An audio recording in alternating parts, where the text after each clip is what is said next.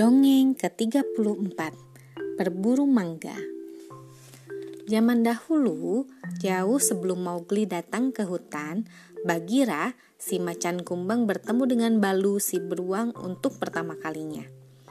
Begini ceritanya. Bagira waktu itu masih muda, tapi tetap serius.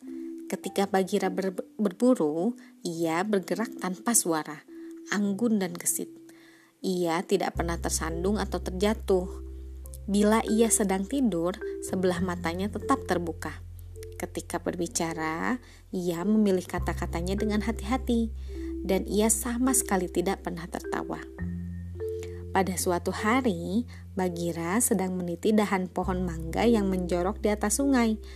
Ada mangga yang sudah ranum tepat di ujung dahan, dan Bagira suka mangga.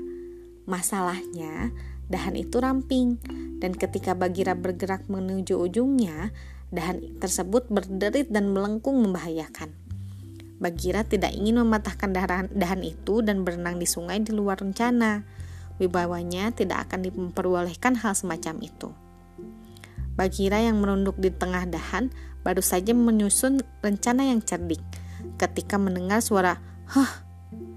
Ia memandang ke bawah dan melihat beruang abu-abu yang sangat besar. Tampaknya kau butuh bantuan, kata beruang itu. Tidak usah, terima kasih, ujar Bagira sopan. Aku lebih suka bekerja sendiri. Tetapi si beruang tidak menghiraukannya dan mulai memanjat pohon. Begini saja, kata beruang itu terengah-engah. Aku akan duduk di pangkal dahan dan menarik ekormu. Kau bisa merayap ke ujung lalu meraih mangga itu dan aku akan memenggangimu. Kemudian kita bisa berbagi mangganya. Tidak, kurasa itu bukan ide yang bagus, kata Bagira tidak sabar.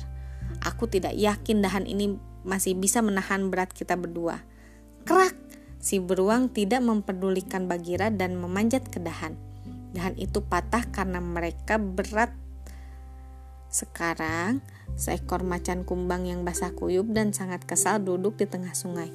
Di sebelah beruang yang basah kuyup dan sangat geli. Oh,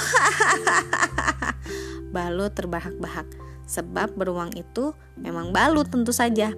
Wah wah, tadi memang petualangan. Oh, sudahlah katanya setelah melihat betapa marahnya Bagira.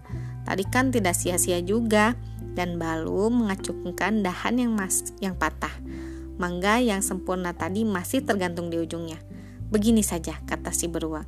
Ayo kita naik ke batu itu dan berjemur untuk mengeringkan diri sambil makan mangga ini. Aku Balu. Siapa namamu? Bagira. Jawab si macan kumbang sambil mereka naik ke batu yang hangat dan datar. Kemudian, nyaris tidak diinginkannya, ia tersenyum.